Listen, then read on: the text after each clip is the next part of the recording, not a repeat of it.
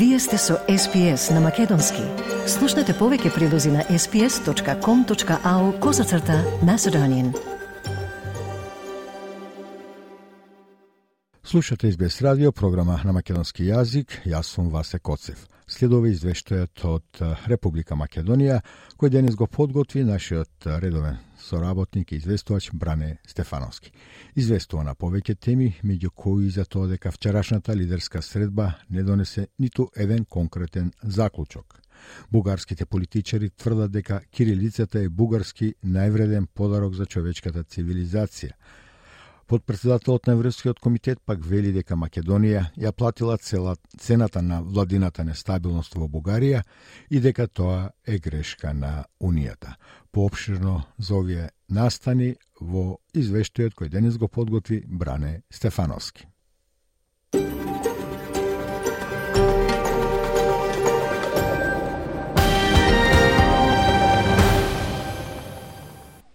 Вчерашната средба на лидерите на политичките партии, што беше свикана по иницијатива на премиерот Ковачевски, заврши без ниеден конкретен заклучок.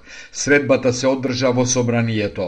Целта на Ковачевски е да се обезбеди двотретинско мнозинство за отворање на Уставот и за вметнување на бугарите што живеат во Македонија во него. На пресконференција по средбата тој ја даде следнава изјава. Оно што го нагласив и денес пред председателите на парламентарните партии е пред се потребата за непречено функционирање на собранието, бидејќи истото е исклучително важно за нашиот европски пат. Потребно е да се вклучат сите партии, сите пратеници и да се одблокираат процесите. Али Ахмети, лидерот на ДУИ, коалициониот партнер во власта, рече дека ако се отворат прашања од минатото, нема одење кон иднината. На средбата упатив апел да се надминат носталгиите, да се вратиме на рационалноста, на разумноста, затоа што доколку се отворат прашања кои што припаѓаат на минатото, тешко дека ќе можеме да се определиме за иднината. Лидерот на ВМРО ДПМН е Христијан Мицкоски рече дека оваа средба е дефокусирање од вистинските проблеми што ги имаат граѓаните со големата инфлација и затоа тој побара предвремени избори. Нема мнозинство за уставни измени. Водеки од овој заклучок, логичен след на настаните е парламентот да се распушти, да формираме техничка влада и да одиме на предвремени парламентарни избори. Тоа беше и од наша страна побарано денеска на денешниот состанок, откако стана очигледно дека немаме мнозинство кое што би гласало за евентуални уставни измени кои што ги предлага владеното мнозинство. Лидерот на Алијансата на албанците Арбен Таравари рече дека ако се отвора уставот, тоа е можност одредницата 20% за употреба на албанскиот јазик да се избрише. Исто така и отворивме и дилемата дека се отвара уставот, па е можност, добра можност и да се тргне процентот, односно бројките од употребата на албански јазик. Мислам дека е коректно нашите сограѓани македонски да покажат пред се респект кон е, нивните сожители кои сме 30% од вкупната бројка на жители кои што живеат во Македонија и мислам дека е достоинствено да се употребува албански јазик, а не бројки а, а, или проценти. Лидерот на Демократскиот сојуз Павле Трајанов рече дека во оваа ситуација сите проблеми се наметнати од Бугарија и дека жали што до Бугарија не е упатена порака за признавање на македонците што живеат таму. Жалам што имаш историска шанса да упатеме јасна порака, јасно барење, до државно политички врв во Бугарија да ги признаат правата на македонците затоа што сигурен сум дека корените на сите проблеми се наметнати од Бугарија со тоа што го негират македонскиот јазик, македонскиот народ и доколку го направат тој тој чекор. Тој чекор ќе биде со историски димензии и сите отворени прашања многу брзо ќе се затворат. Од парламентарните партии што беа поканети на лидерската средба немаше представници од Беса и од Левица. Бугарските политичари не престануваат со присвојувањето на историските личности, но и на местата во денешна Македонија како бугарско историско наследство. Пораките дојдоа од Меѓународниот форум за кирилицата што се одржува во Софија.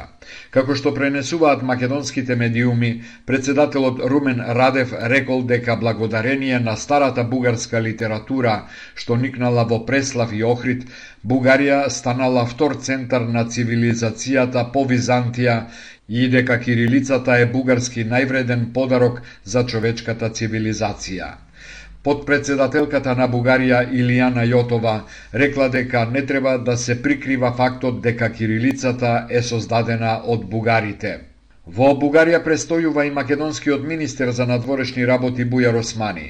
Тој денеска ќе има средби со неговиот бугарски колега Николај Милков, со премиерот на Бугарија Галаб Донев, како и со лидерите на главните партии застапени во новото бугарско собрание.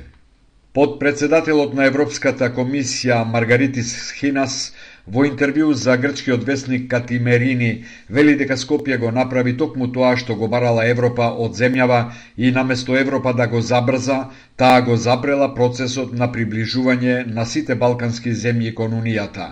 Снихас, што се однесува до Македонија, во интервјуто вели дека земјата направила се што било потребно, првично била запрена од Франција во пресред на председателските избори, а штом било решено прашањето со Франција, повторно била запрена поради Бугарија. Схинас вели дека Македонија ја платила цената на владината нестабилност во Бугарија и дека тоа е грешка на Унијата. Новата американска амбасадорка Анджела Прайс Агелер ја почна својата дипломатска мисија во земјава. Таа вчера му ги предаде акредитивните писма на Бујар Османи, а денеска ќе му ги предаде на председателот Стево Пендаровски. На средбата во Манара, меѓу другото, било изразено очекувањето дека ќе продолжи цврстото стратешко партнерство меѓу двете држави, но и во рамките на НАТО со посебен акцент на руската воена агресија врз Украина, како и заидното председавање на Македонија со ОПСЕ идната година. Непосредно пред доаѓањето во земјава, во презентацијата пред членовите на Американскиот Сенат, Агелер најавила дека ќе се залага за одговорност на корумпираните политичари во Македонија, за подобрување на владењето на правото, за зајакнување на инвестиционата клима, како и за градење отпор против надворешни влијанија, вклучително од Русија и од Кина.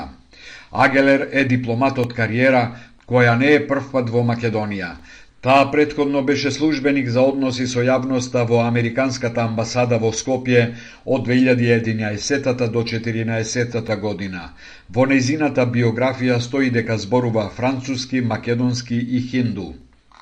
Македонскиот животен стандард е сериозно урнат од високата инфлација, односно од секојдневното покачување на цените.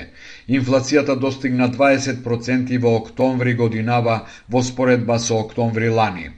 Нема производ што не е поскапен и тоа им создава големи грижи на граѓаните кои без оваа криза тешко врзуваа крај со крај со своите просечни ниски примања, особено пензионерите.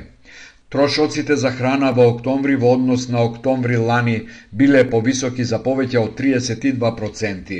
Лебот и житата поскапеле за речиси 48%, млекото, сирењето, јајцата за 41%, маслото за над 40%, месото за 30% и така натаму. Растеле и трошоците на граѓаните за енергенси. За струја во октомври годинава, во однос на октомври лани, сметките биле повисоки за над 20%, за топлинска енергија над 30%, а течните горива поскапеле за речиси 43%. Потрошувачката кошничка за четиричлено домаќинство што ја мери синдикатот се искачи на 51.514 денари, што значи дека во едно четиричлено семејство не стигнуваат ни две просечни плати. Сакате ли да чуете повеќе прилози како овој? Слушате подкаст преку Apple Podcasts, Google Podcasts, Spotify или од каде и да ги добивате вашите подкасти.